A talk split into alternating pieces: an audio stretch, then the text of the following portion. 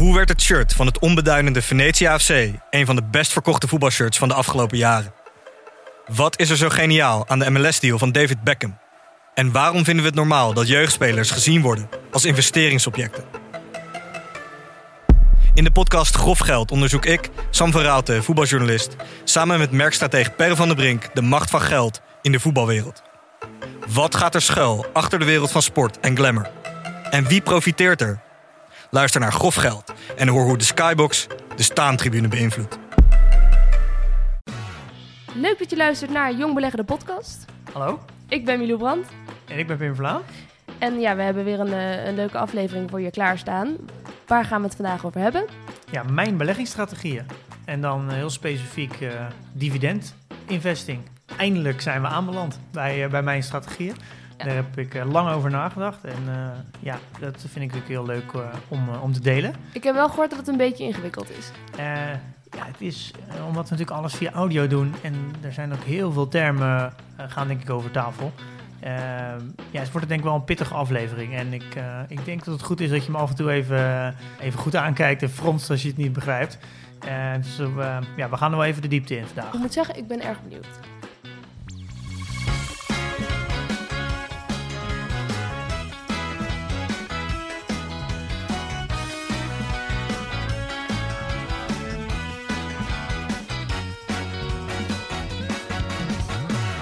Ja, en ook goed om er nog even bij te zeggen. eh, deze aflevering nemen we in twee delen op. Omdat ik zo nodig op een eh, zeilboot in Friesland moet ronddobberen volgende week. Oh, wat heerlijk. Ik ben nou al jaloers op Oh, jou. ik heb er zoveel zin in.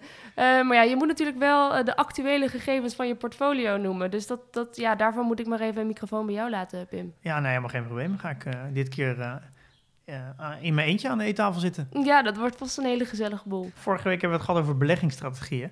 Ehm, wat heb jij ervan eh, van, van meegekregen? Wat is er bijgebleven? Even kijken. Ik heb het idee dat ik nu wel iets beter eh, snap hoe het werkt. Dus dat je, nou ja, volgens mij zijn er twee fundamentele verschillen wat ik heb gemerkt. Je kan dus aandelen kopen en die, als je op een gegeven moment die verkoopt, dan, eh, dan verdien je daar geld mee. Maar ook pas op het moment dat je ze verkoopt. Ja, ja. En dan heb je ook nog die andere vorm, dat is dus dat dividend beleggen. En dividend is dus wat een bedrijf kan uitkeren als het winst maakt. ja En dat is dus eigenlijk, dan hoef je dus nooit een aandeel te verkopen, want dan krijg je gewoon, zolang het bedrijf maar winst blijft maken, krijg je gewoon geld. Nou, kijk, dat vind ik een hele mooie samenvatting van eh, de twee strategieën die we besproken Ja, hebben. en dat Ja. klonk heel stabiel ook, dat laatste. Dus dat, ja, dat heeft me ook wel aangesproken. Ik ben niet, niet heel erg van het op en neer gaan, maar wel weer iets van ja, de, stabiele, de stabiele factor. Dat, dat lijkt me wel prettig. Nou, goede samenvatting. Maar ook dat eh, de groeiaandelen jou dus meer opleveren. Eh, ja, er zit wel iets meer risico aan vast. Ja, daarom Eh, ook dus. Ja, zijn wat voyatier, ja. Ja. Nou ja, dus ik ben heel benieuwd naar... We gaan nu dus iets dieper in op jouw eh, strategie. Ja, we gaan het nu hebben over specifiek mijn dividendstrategie. Ja. En de week daarna gaan we het hebben over mijn groeistrategie. Ja. En het zijn, ik heb daar net even iets andere voorwaarden, hoe ik aandelen selecteer en hoe ik naar de strategie kijk. Eh, de Oh, ene- dus je gaat ook wel een beetje vertellen van hoe, waar je naar kijkt als jij dus een aandeel eh, kiest. Ja, nee, absoluut. Daar ga ik, eh, daar ga ik jullie in meenemen. Oké, maar misschien is het dan eerst, eerst goed om even uit te leggen wat nou... Kijk, dividend is winstuitkering. Die term, die heb ik inmiddels in mijn hoofd al helemaal aan elkaar gelinkt. Maar wat is het nou precies? En waarom keert een bedrijf op een gegeven moment dividend uit? Ja, dat is een hele goede vraag. Ik denk, je moet goed begrijpen wat dividend is om natuurlijk de strategie te kunnen snappen. Ja, Ehm, en wat je zelf al aangaf, je kan op twee vormen kan je winsten realiseren. In dat je, je gaf net aan, in een groeistrategie pak je winst door een aandeel te verkopen dat een hogere koers heeft dan dat waar, waar je hem zelf voor hebt verkocht. Mhm. Zo genereer je winst. En je hebt een andere vorm en dat is meer inkomenachtig gerelateerd. Is dat je zolang je het aandeel bezit, krijg je een winstuitkering. En een winstuitkering noemen we dividend. Ja. Ehm, en een dividend wordt eigenlijk bepaald per aandeel. Dus een bedrijf geeft aan, ehm, eigenlijk elke, meestal per kwartaal hebben ze een, eh, een, eh, kwartaaloverleg, worden er de Mhm. kwartaalcijfers gepresenteerd en dan geven ze aan, we keren een bedrag per aandeel uit. En Oké, dat is dus hoe meer aandelen je hebt, ehm, hoe meer dividend je krijgt. Ja. Dus keer Ja, je aandelen. Exact. En dat kan natuurlijk verschillen per bedrijf. Soms is het, eh, kan 50 cent of een euro zijn. Dat, maakt, dat verschilt per bedrijf. Oh, maar het zit wel, dat zijn relatief lage bedragen als ik het zo hoor. Is dat Ja. vaak zo? Ja, het zijn altijd lage bedragen. Eh, dus eigenlijk is het, het hoogte van het bedrag maakt niet zoveel uit. Eh, want het gaat er ook weer om voor welke prijs heb je het aandeel gekocht. Ja. Ehm, ik heb liever een euro dividend als ik het aandeel voor 10 euro heb gekocht. Dan heb ik 10% rendement. Dan als ik het 5 euro heb en ik heb het aandeel voor 1000 euro gekocht. Dan heb ik een, een 0,5% rendement. Ehm, en ik het heel belangrijk is om te weten, ze definiëren een dividend, dus een winstuitkering per aandeel. En dan vaak per jaar. En dan als je het dan bijvoorbeeld in vier keer uitbetalen, dus in vier kwartalen deel je dat door vier. Neem even als voorbeeld, ze verwachten 2 euro dividend uit te keren per aandeel. ja. En ze keren per kwartaal uit, dan houdt het in dat ze dus 50 cent eh, winst per kwartaal uitkeren. Dus je hebt een jaarlijkse winst. Als je het aandeel een jaar vasthoudt, krijg je 2 euro dividend per aandeel dat je bezit. ja, precies. Heb je dat aandeel voor 20 euro gekocht en eh, je krijgt 2 euro per jaar aan dividend, dat betekent dat jij een rendement op jouw oorspronkelijke investering eh, maakt van 10%. Ja, Eh, dat noemen we het dividend yield. Dat is eigenlijk het percentage waar je altijd naar kijkt. Je kijkt niet zozeer naar hoeveel dividend ontvang ik per aandeel. Want dat absolute getal is niet belangrijk. Nee. Want het is eigenlijk allemaal in verhouding met waarvoor jij het gekocht hebt. Ja. Dus dat betekent als je 2 euro per jaar krijgt en je hebt het aandeel voor 20 euro gekocht. Dat betekent dat als jij het aandeel 10 jaar bezit, dan heb jij dus eh, uiteindelijk 10 keer 2 euro ontvangen. als het elk jaar 2 euro Als blijft. het elk jaar 2 euro blijft, dan heb je dus je aandeel in principe terugverdiend. Met andere woorden, je hebt je vermogen verdubbeld in 10 jaar tijd. Nou, dat is best, eh, dat is best een mooie. eh, een- Verdubbeld, jij hebt het terugverdiend. ja, maar je hebt, bezit nog steeds het aandeel. Oh, precies. Ja, dus dan heb je dus 20 euro in, in, in, in 10 jaar tijd aan cash gekregen, maar je hebt Ja. nog, bent nog steeds aandeel. eh, Oh, eigenaar van het aandeel van 20 euro. Dus dat betekent in wezen dat je een, eigenlijk een vermogen hebt van 40 euro. Ja, een verdubbeling van je van, je vermogen in 10 jaar tijd is, is, heel, is heel netjes. Dat is Ja. een beetje wat, ze, wat een beetje gehandhaafd wordt. Eh, als, je dat, als je dat bereikt, doe je het heel goed. Ehm, en wat we, nou komen we ook bij het stukje compounding, is die 2 euro die ik in jaar 1 ontvang, die kan ik weer herbeleggen. Ja. En die levert ook weer rendement op. Ja, dus, precies. en als ik dus het jaar daarna weer 2 euro ontvang, eh, dan kan ik weer herbeleggen. En die, Ja. dat herbelegde geld, dus dat dat geval dan alweer 4 euro, kan, heeft ook weer een inkomen. Waardoor je dus compounding krijgt. En Ja. dat is waar we het natuurlijk in eerdere afleveringen over, eh, eh, over gehad hebben. Dus als je je dividendinkomsten gaat herbeleggen, dat levert ook weer rendement op. Ja. Maar dan heb je dus eigenlijk, dat is eigenlijk heel simpel gezegd een winstuitkering. Ja. Maar een bedrijf kan ook in die tien jaar tijd meer winst hebben gemaakt. Dus, het, dus de winst is bijvoorbeeld ook elk jaar met 10% gegroeid. Ja, dus die winst die groeit ook telkens. Ja, dus het kan zijn dat het bedrijf dan ook zegt, omdat onze winst met 10% groeit, zeggen we ook, dan gaan we ook het dividend met 10% verhogen. Ja. Dus als je het eerste jaar 2 euro zou krijgen, de omzet groeit met 10%, dat betekent dus dat je eh, het jaar erop, en ze gaan dat ook uitbetalen als, als winstuitkering, dat je Ja. dan niet 2 euro krijgt, maar 2,20 euro. Ja. Als je 2,20 euro ontvangt het jaar daarna, maar je hebt nog steeds je oorspronkelijke investering gedaan van 20 euro, want dat blijft, dat betekent dat je niet 10% eh, rendement hebt op, Ja. je, op je investering, op je oorspronkelijke investering, maar die jaar erop heb je een verhoging.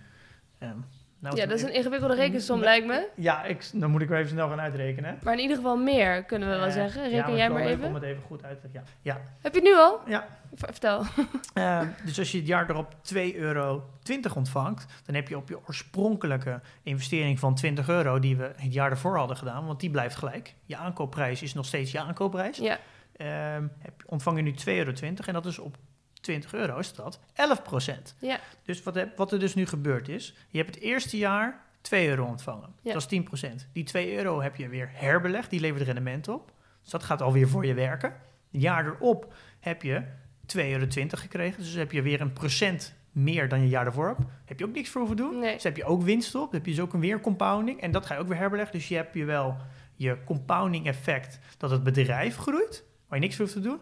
En je hebt ook nog eens een compounding effect dat het geld wat je ontvangt uit het bedrijf ook eens weer een effect gaat hebben. Ja. Dus je hebt aan twee kanten wordt er, wordt, creëer je groei waar je niks voor hoeft te doen. Het is een soort katalysator. Het, wordt, Ja, versterkt zichzelf en het versterkt zichzelf. Ja. Het wordt alleen maar meer zonder dat je iets voor hoeft te doen. ja, en kijk, en nou komt eigenlijk, als je, als je dit heel goed begrijpt, Ja, dan komt er eigenlijk gelijk de splitsing in de strategie.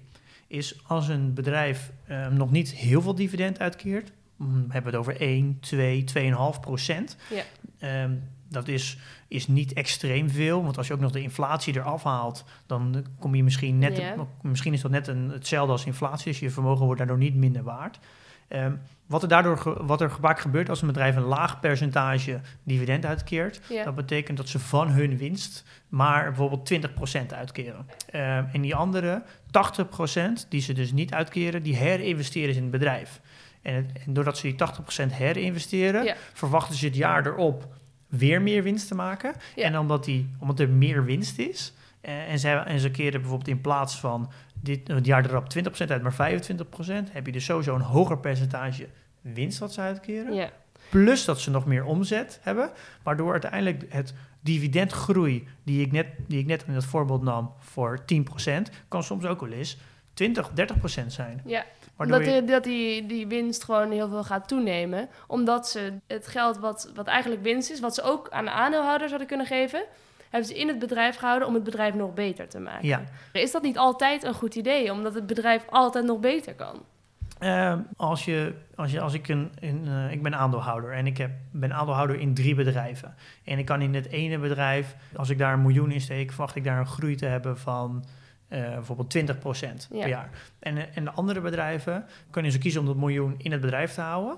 En dan kunnen ze daar bijvoorbeeld 10% mee genereren. Dan heb ik liever als aandeelhouder dat ik het geld er volledig uit het ene bedrijf haal en stop in het andere bedrijf. Want Ja. het levert mij meer op als aandeelhouder. Iedere, elke aandeelhouder is vrij om, om dat zelf te bepalen.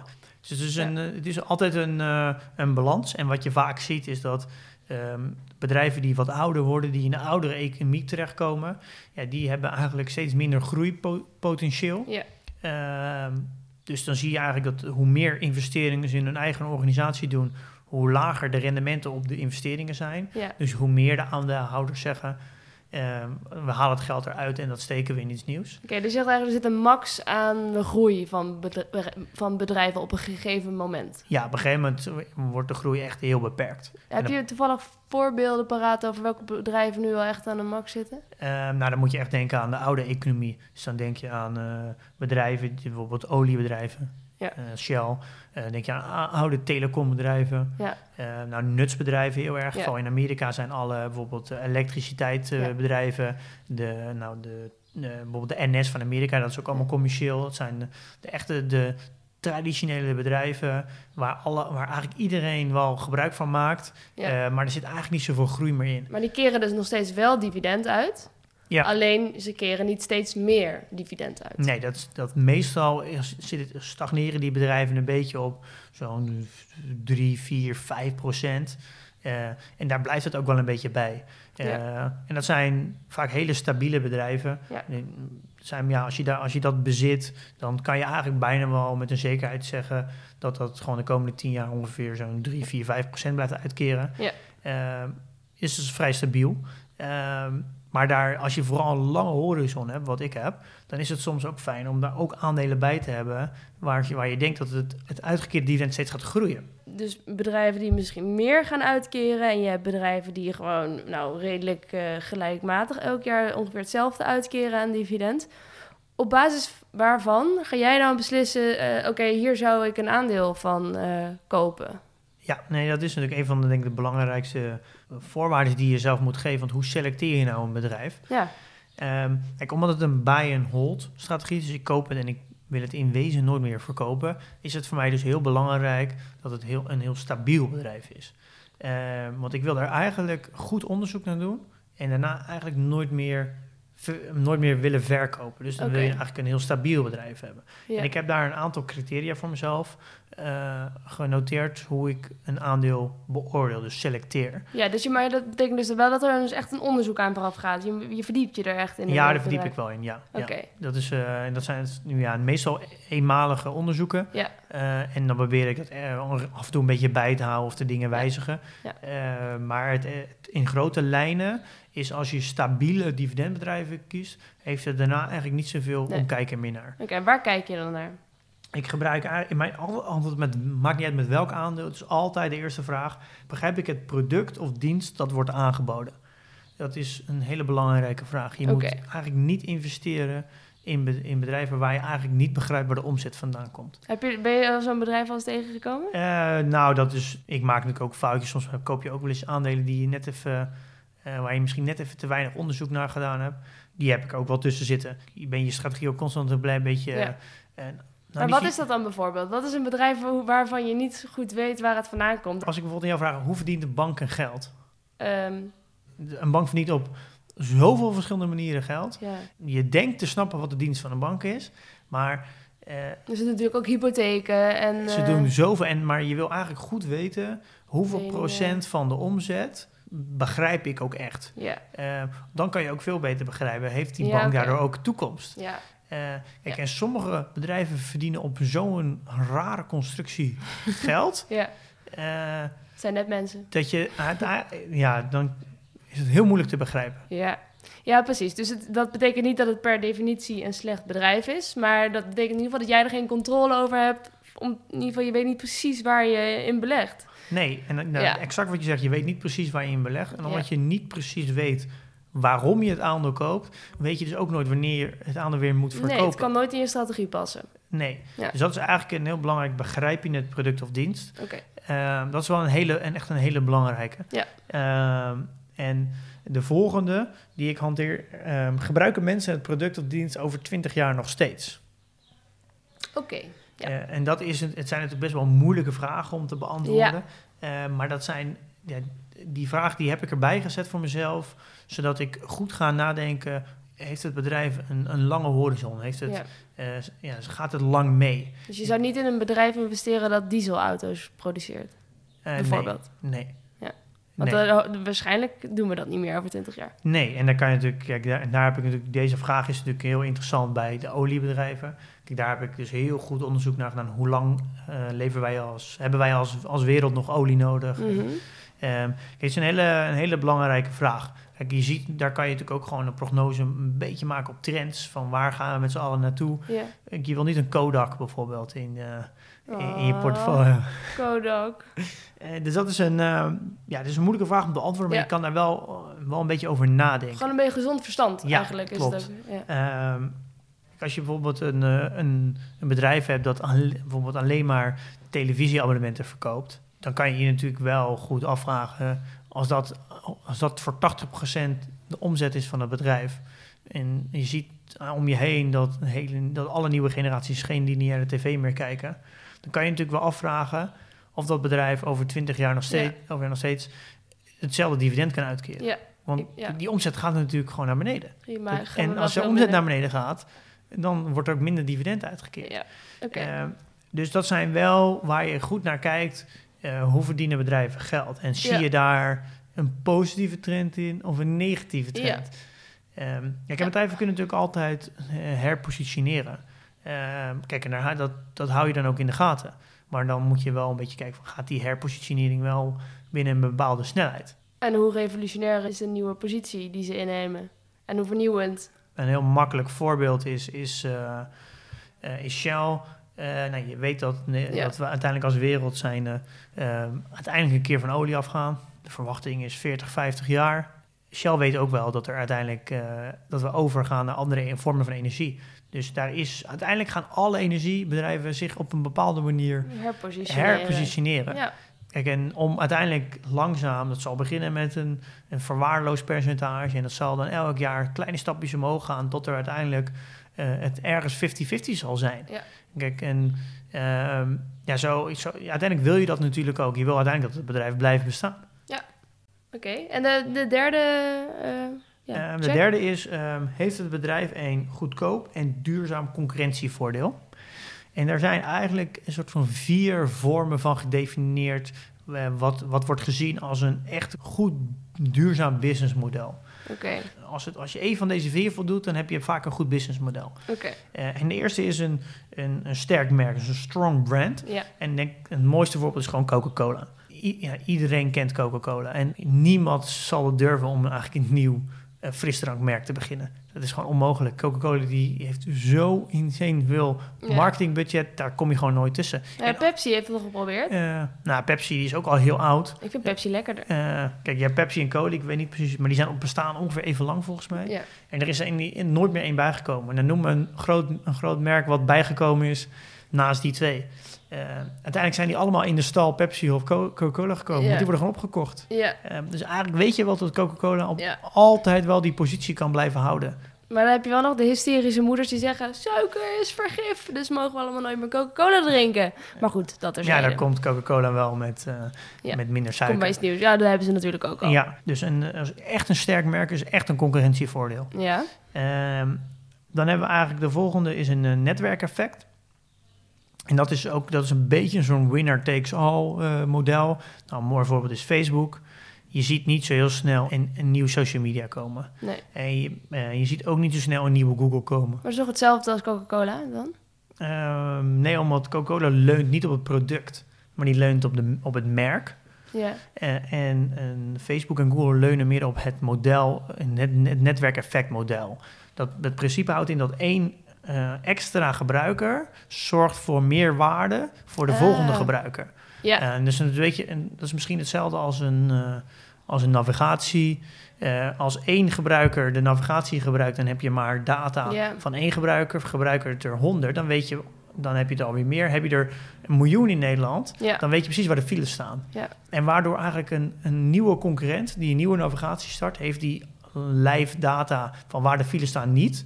Waardoor eigenlijk de, de app met de, du- met de miljoen mensen altijd beter is. ja, ik snap hem. Die andere kan nooit beter worden dan degene met een miljoen. Tenzij iedereen van een miljoen naar die nieuwe app, naar die nieuwe app gaat. Maar dat gebeurt niet, omdat Nee. die slechter is. Ja. En Er dat zijn al twee verschillende monopolieposities eigenlijk die ja, we nu dat hebben. zijn, eh, nou ja, wat ik eigenlijk is een soort van winner takes all model. Ja.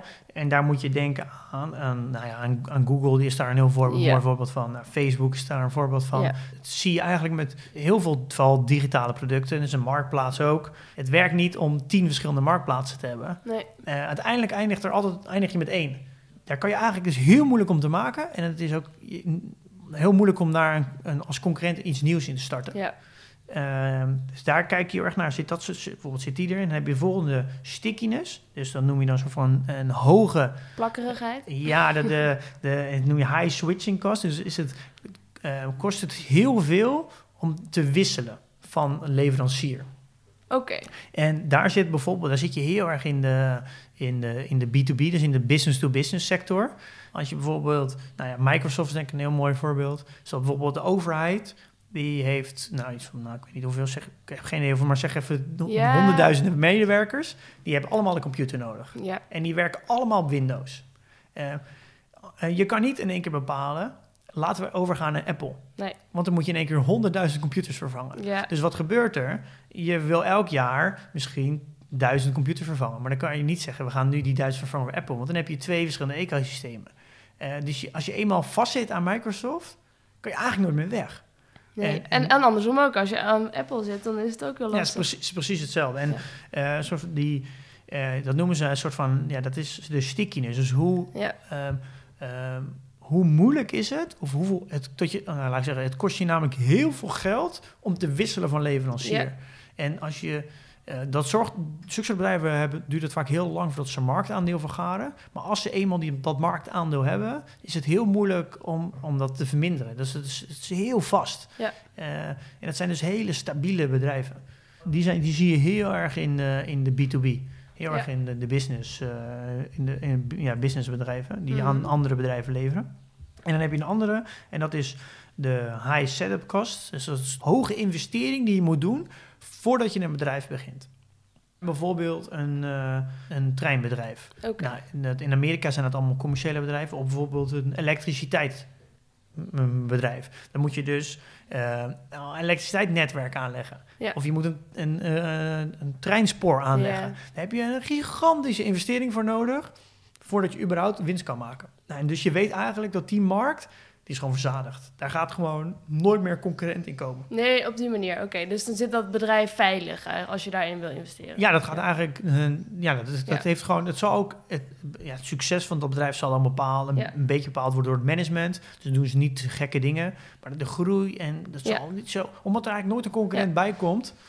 Eh. Kijk, en dat zijn eigenlijk de, de, even de, vier ja, businessmodellen. Die je, die je mee kan nemen in het beoordelen van een bedrijf. Ja, je- en als ik het dus goed begrijp, dan hoeft het dus ook niet, ze hoeft niet al deze vier boxes te checken, zeg maar. Nee, dat kan ook niet. Nee, maar bijvoorbeeld in dat te denken, als je Coca-Cola en Pepsi kun je makkelijk switchen daartussen natuurlijk. Ja, Eh, je kan zo weg bij Coca-Cola en overstappen naar Pepsi. Dus je kan niet per se alle. eh, nee, het is altijd, één.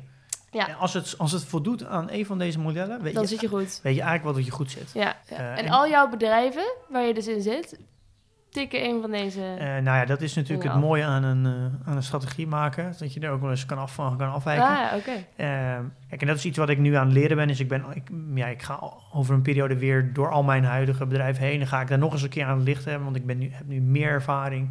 Ik heb nu iets meer kennis hoe ik een bedrijf beoordeel. En dan ga ik er wel een soort van de herbalancering doen. Dus dan ga Ja. ik daar misschien ook wel wat bedrijven...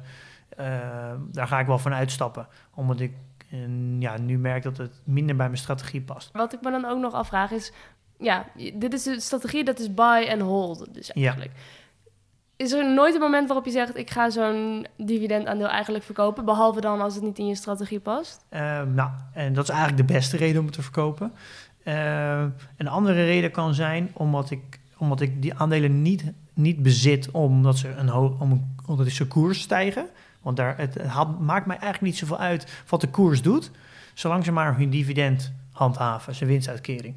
Als het aandeel al heel hoog is of heel laag, maakt mij eigenlijk helemaal niks Nee, uit, zolang ze maar het dividend blijven Dus uitkeren. dat is onafhankelijk ervan. Dus de, de winst die ze uitkeren, dat maakt niet zoveel uit of het aandeel nou hoog of laag staat. Nee, Daar kijk je dus ook niet eens Nee, naar. het is alleen wel zo. Als een aandeel heel laag staat, dan heeft de markt natuurlijk minder vertrouwen in het bedrijf. En dan kan je natuurlijk wel gaan afvragen, eh, is er wat aan de hand? Eh, maar het kan ook zijn dat het dus een tijdelijke Ja. crash is. Oké, stel dus dat er inderdaad iets aan de hand is. Even daarop doorgaan. De volgende maand stoppen ze opeens met winst uitkeren. De dividend wordt stopgezet. Ja, als het hele, nou ja, dan is voor mij, dan is voor mij een hele grote reden om af te zien van dit aandeel. Dan moet je wel gaan verkopen. Eh, ik denk de grootste reden waarom ik het aandeel verkoop is dat ze eh, een structureel dividend ja, stoppen of extreem verlagen. Ja. En ik dan daardoor geen eh, potentie, ja, echt in het, in, ja, geen, niet meer echt een potentie zie dat het in de toekomst weer naar een bepaald niveau komt. Een eh, dividendbedrijf moet voor mij wel minimaal ongeveer 2% dividend hebben op een, een dividendgroeiaandeel. En Ja. het moet wel minimaal zo'n 4%, 3,5, 4% hebben voor de, de high yield dividend aandelen. En als het daar echt structureel onder komt, ehm, dan, dan, wil, dan doe ik Ja. het weg. Want dan vind ik dat ik namelijk met de investering die ik doe, dat ik te weinig rendement pak. En als je nou in jouw portfolio kijkt, dan kun je zien dat, er, dat je best wel in Shell hebt zitten. Terwijl die juist de laatste tijd minder dividend zijn gaan uitkeren. Toch? Ze hebben hun dividend voor het eerst verlaagd sinds de Tweede Wereldoorlog. Ja, dat klopt. Hoe leg je dat uit? Ja, dat is, daar heb ik een heel goede uitleg voor. Dat mag ik hopen. Dat is je strategie. Ehm, kijk, het, de situatie voordat ze die dividend hadden was heel anders. Kijk, Shell heeft 80 jaar, 80 jaar dividend niet verlaagd. Eh, dus dat krijgt ook wel automatisch iets meer de voordeel van de twijfel, iets meer credits. Oké. Ehm, je hebt vertrouwen nog. Je hebt Eh, nog ja, ja je, je, je moet natuurlijk niet je vertrouwen vo- volledig leggen in, in het verleden. Maar het verleden zegt wel een hoop eh, over wat, wat, wat ze in de toekomst mogelijk gaan Ja. doen. Kijk, een ander ding is dat Shell is... eh, de oliecrisis is eigenlijk... Er zijn eigenlijk soort van twee crisissen door elkaar gekomen bij de oliecrisis. De, de, de olieoorlog eigenlijk Ja. tussen de OPEC-landen en, en Amerika. En, En dan een beetje Rusland. Saudi-Arabië. En Rusland ook dan met de, de OPEC+. Plus. Ja. En er is ook coronacrisis, dus eigenlijk een vraaguitval bovenop gekomen. Dus er zijn een soort van twee crisissen in één. Perfect storm Eh, noemen ze het ook wel. En, eh, maar op een gegeven moment was het zo, het is zo ver gezakt, naar op een gegeven moment 11 euro per aandeel, eh, dat ik gewoon aan het rekenen ben gegaan. Dat als ik het aandeel voor 11 euro eh, zou kopen en ze houden hun huidige dividend aan, die ze toen de tijd dat, ze hadden voor de dividendverlaging, dan zou ik dus een rendement krijgen van iets van 12%. Nou, dat is natuurlijk idioot. Ja. Eh, is veel te hoog. En toen dacht ik, eh, de kans is wel aanwezig dat ze het gaan verlagen. Ehm, en als we het met 50% verlagen, dan heb ik nog steeds een rendement van 6%.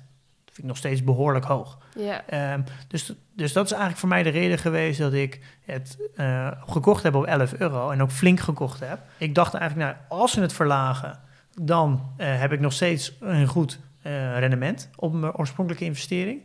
Gaan ze het dividend niet verlagen, dan heb ik een heel hoog opwaarts potentieel, want dan gaat het aandeel flink omhoog. Eh, en dan verkoop ik, eh, verkoop ik gewoon een stuk. Dus dat is eigenlijk mijn overweging Ja. geweest. En nu heb ik een, eigenlijk best wel een oké rendement. Ik zit volgens mij nu op 3,72% op Shell aandelen. Oké. Is niet heel goed, is ook niet heel slecht. Alleen ik denk wel dat er nog een opwaarts potentieel in zit. Eh, want als de vraaguitval die we nu hebben, eh, als dat langzaam weer gaat aantrekken, als we allemaal uit lockdown gaan en de economie gaat weer draaien, dan gaat de vraag naar, naar olie weer opkomen. We moeten Ja. natuurlijk wel alle reserves even wegwerken. Ja. Maar ik verwacht wel dat er binnen nu een tweede jaar dat de, de, het- de olieprijs wel weer wat omhoog gaat. Dus ik zie Shell nog wel eh, weer wat herstellen uiteindelijk. Kijk, uiteindelijk gaat het met, als je bedrijf, individuele bedrijven beoordeelt, eh, heeft het, eh, moet je niet zozeer altijd kijken naar eh, hoe zit het bedrijf aan zich in elkaar. Maar uiteindelijk gaat het om welke waarde, voor welke waarde heb je het gekocht. Heb je Shell gekocht in eind, eind januari voor ongeveer 26, 27 euro per aandeel. Dat is een extreem groot verschil. Of, dan heb je het, al, of heb je het half maart gekocht voor 11 euro. Ja. Dus het is een extreem groot verschil. Hetzelfde bedrijf, alleen iemand heeft het voor, mm, voor 60% goedkoper kunnen Ja. kopen. Ik zou Shell nu in deze situatie nooit kopen voor 26 euro. Nee. Maar eh, hoe dit, waar het nu voor staat, nu staat het denk ik op 15 euro. Het is een soort uitverkoop eigenlijk. Als ik het zou kopen voor 11 euro, zou ik het gelijk weer doen. Ja. Eh, Toch? Uitverkoop? nou ja, dat, is, dat wat ze heel vaak zeggen. Eh, dat is wel een grappige quote. Dat als je dividendbedrijven tijdelijk zakken door een crisis, dan zeggen ze altijd: je potentieel pensioeninkomsten zijn in de uitverkoop. Ah, Eh, omdat bedrijven vaak altijd herstellen. Dus als het eh, tijdelijk zakt, bijvoorbeeld het zakt in één keer met 20 eh, dus even een uitverkoop. en dan kan je het in één keer 20% goedkoper Ja. kopen. En heb je misschien wel, dat duurt het misschien wel een jaar voordat het dan weer een beetje, eh, eh, een weer, misschien weer een dezelfde omzet haalt, omdat het nog wel een, een tik krijgt in de omzet. Maar als het een goede reserve heeft, kan het gewoon dividend blijven uitkeren. Dan heb je gewoon eh, het bedrijf voor 20% goedkoper kunnen kopen. Ja, ik vind zelf dat eh, stabiele dividendbedrijven, ik heb liever dat het aandeel zakt dan dat het omhoog gaat. Ja. Want ja, dat is heel simpel. Als ze gewoon dividend blijven handhaven en, en het is een maand later goedkoper, dan koop ik liever, ik koop hem liever goedkoper dan dat ik een maand later Ja. meer waard geworden is en ik moet hem, voor, moet hem voor meer kopen. Want verkopen ga ik toch niet. Dus ik heb liever dat de koers iets zakt. Ja, dat klinkt helemaal logisch. En heb jij in een eerdere afleveringen wel eens eh, gezegd dat je dus eh 30% groeiaandelen hebt. Nou, daar gaan we het in de volgende aflevering over hebben. Ja. En 70% eh, dividend. Ja, dat klopt. 70% van mijn totale portefeuillewaarde is eh, dividendaandelen. Ja. En binnen die 70% heb ik, heb ik dan een gedeelde strategie tussen eh, high yield, dus de bedrijven met een hoger dividend. Dat is ongeveer 65, 70. En dan heb ik eh, ongeveer 30, 35% zijn meer de dividendgroeiaandelen. Dus daar heb ik ook weer Ja. een verdeling in. En daar heb ik ook, dat, daar gaan we denk ik nog later nog ook, ook misschien wel weer een aflevering over maken. Want dat is ook heel belangrijk. Hoe ga je nou zorgen dat je spreiding creëert? Ja. Er zijn ongeveer 12 industrieën, eh, sectoren. Over En de ik- wereld? Ja, er wordt eigenlijk alle aandelen worden een Ja. beetje ge- ja, gegroepeerd in 12 sectoren. En ik heb eigenlijk ook een, die 70% aan dividendaandelen, die heb ik ook weer verspreid over die 12 sectoren. Eh, zodat ik ook een risicospreiding Ja. doe in mijn, vooral met je dividendaandelen, omdat het een, je wil ze eigenlijk nooit meer verkopen, is het wel een bedoeling dat je een goede spreiding creëert. Ja. En is dit eh, wat jij dus doet op deze manier, deze verdeling? Zou je dat aan iedereen aanraden? Of hangt dat weer heel erg af van wat je precies wilt? Of, eh, ja, want ik neem aan dat jij met een bepaald doel hiervoor hebt gekozen om het zo te doen. Ja, nee, kijk, je, kan natuurlijk ook voor een ETF gaan. Daar hebben we natuurlijk eh, in de vorige afleveringen al over gehad. Eh, en ik, dat is, dat, ja, die creëert eigenlijk ook een groepje met mandje. En dan heb je ook een spreiding over verschillende eh, landen, verschillende valuta's, verschillende regio's en sectoren. En ik doe eigenlijk hetzelfde, maar dan met een eigen portefeuille. Dus ik kies de aandelen heel los. Ja. Het voordeel is dat ik niet de kosten heb van de ETF. Ik heb alleen transactiekosten. En ik kan dus zelf kiezen welke aandelen ik wil. Dus ik, ik kan mijn eigen strategie voeren. En daar hoop ik natuurlijk mee dat ik de, meer de winnaars kan kiezen.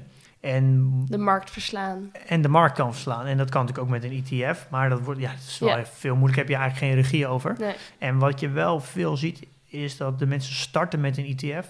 Ga, ja, kies een, een ETF uit, ga daar structureel wat inleggen, klein bedrag per maand. En maak een beetje kennis met beleggen. En omdat je toch bij een broker zit, kan je misschien eens een keer proberen om misschien een los aandeel te kopen. En dan Ja. voor je eigen analyse te maken, als je dat natuurlijk leuk vindt. En dan merk je al snel genoeg of je dat leuk vindt, of je daar interesse in hebt. Ja, En zo eh, kan je langzaam je strategie steeds meer uitbreiden en zal je, als je dat zou willen, steeds meer naar een losse aandelen kunnen gaan. ja. Eh, maar er is, uiteindelijk kan je het ook helemaal zelf bepalen. Je kan ook zeggen, ik wil 30, 50% ETF en ik wil 50% losse aandelen. Eh, je kan het ook helemaal zelf bepalen. Oké. Nou, ik denk dat ik het begrijp. Tot nu toe. Ik ben heel benieuwd naar volgende week als je eh, verder over je groei in aandelen gaat vertellen. Ja, ik denk, dit, dit wordt natuurlijk steeds, gaan steeds meer in-depth, maar we gaan nog wel afleveringen maken over hoe selecteer je nu een aandeel. Eh, en misschien kunnen we ook nog eens wat meer vertellen over hoe selecteer je nu Ja. een ETF, want ik, die vraag heb ik ook wel gekregen. Ja. Ehm, eh, maar het, er is, dat kan allemaal niet in één aflevering, maar we gaan daar wel Ja. in de toekomst wat meer over hebben. Goed. Ehm, ja, dit, zijn al, dit is een mooi, een mooi begin, denk ik, Ja. om, eh, om een strategie uit te leggen. Zo fijn als iemand anders het een keer allemaal voor je uitzoekt. Oké, ehm, ja, de reviews kunnen we nu nog wel even doen voordat ik naar Friesland vertrek. En dan moet je later maar even nog eh, laten weten hoe het met je portfolio is gegaan. Ja, Eens? stuur ik jou een eh, audioboodschap op. Precies, je kan altijd mijn voice mooi eh, inspreken. Ja, gaan we doen. Nee, maar dan heb ik nu nog wel een paar eh, reviews op een rijtje gezet. Favoriete onderdeel van deze show. Nee hoor, ik luister ook graag naar jou, Pim. Ehm, even kijken. Ja, Felix stuurt. Beste Pim, ik heb nu de eerste twee afleveringen van je podcast beluisterd. Erg interessant. In de eerste aflevering gaf je aan dat je veel boeken over de economie hebt gelezen voordat je startte met beleggen. Nu ben ik benieuwd, welke boeken kan je aanraden? Alvast bedankt. Groetjes, Felix.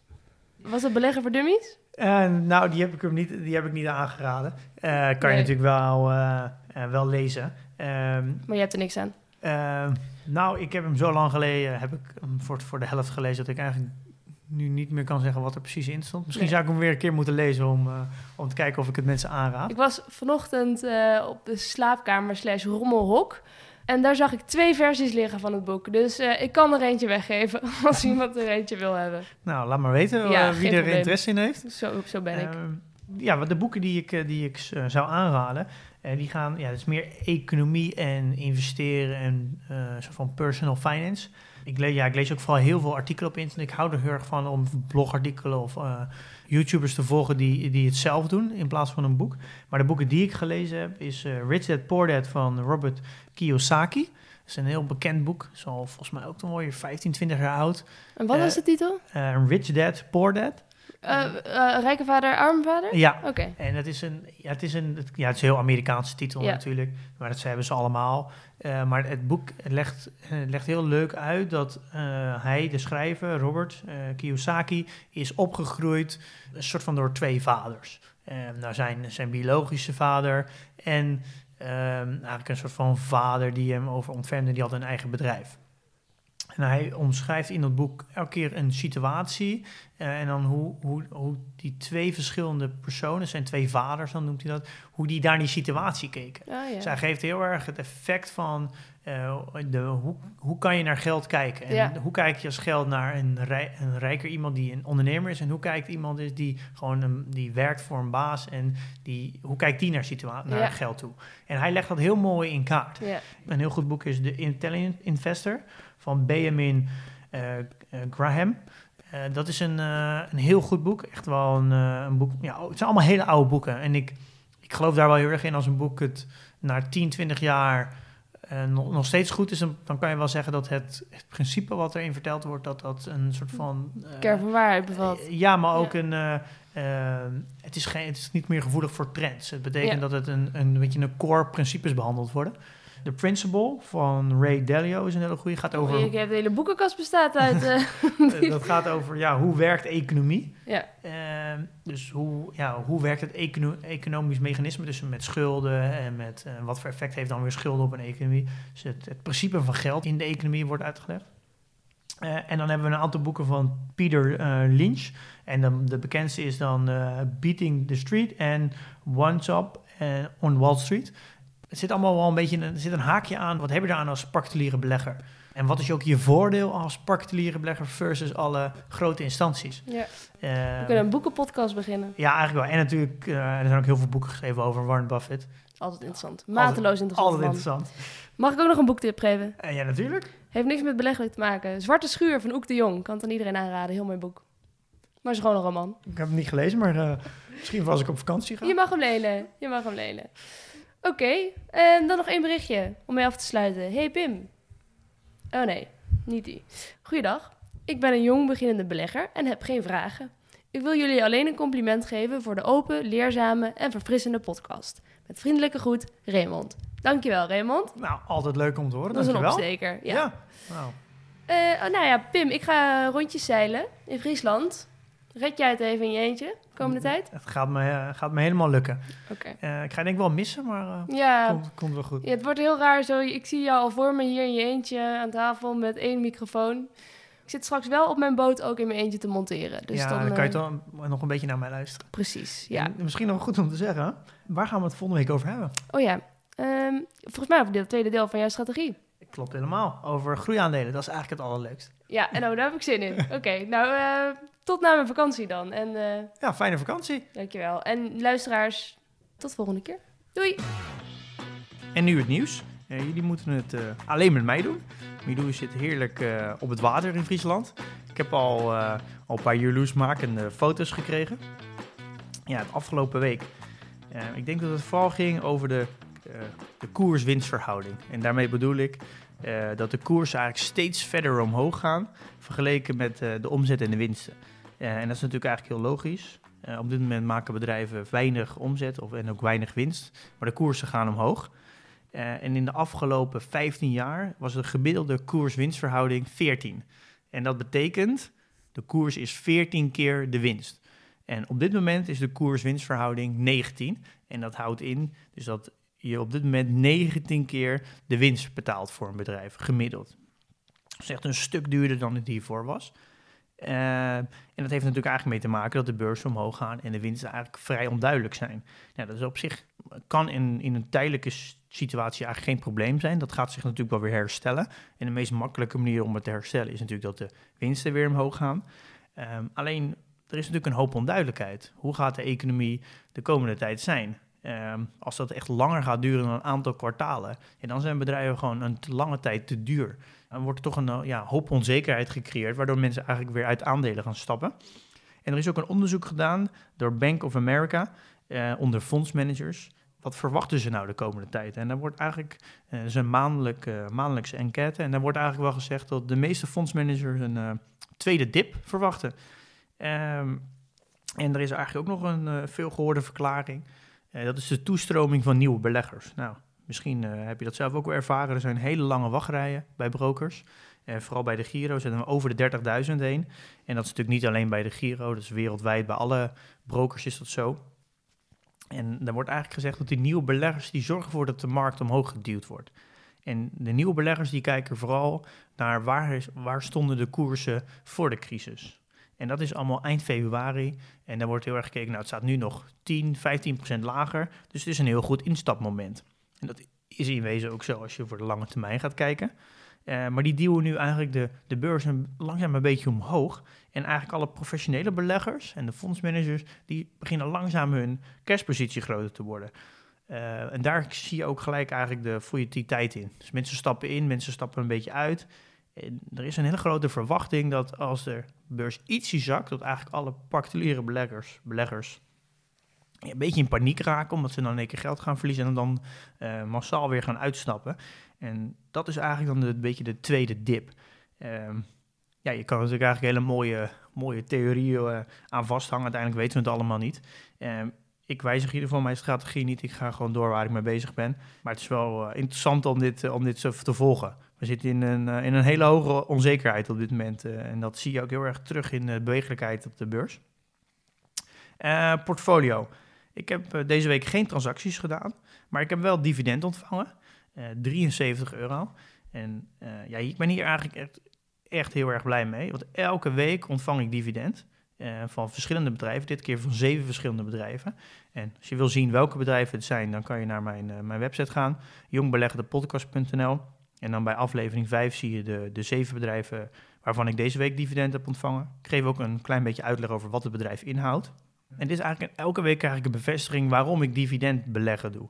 En uh, het is een heel fijn gevoel om dit gewoon elke maand op te sparen en dan aan het einde van de maand daar nieuwe aandelen van te kopen. En dan heb je eigenlijk het gevoel of je een soort van gratis aandelen koopt. En nu de waarde van mijn portfolio, die staat op 139.800. Twee weken geleden stond het ongeveer ook op deze hoogte. Uh, dus we bewegen eigenlijk al vrij, uh, vrij zijwaarts eigenlijk met mijn portfolio. Er is niet, niet heel veel gebeurd. Nou, volgende keer zijn we er weer gewoon met, met z'n tweeën. Het voelt toch nog een beetje gek om in mijn eentje aan de eettafel te zitten. Tot volgende week.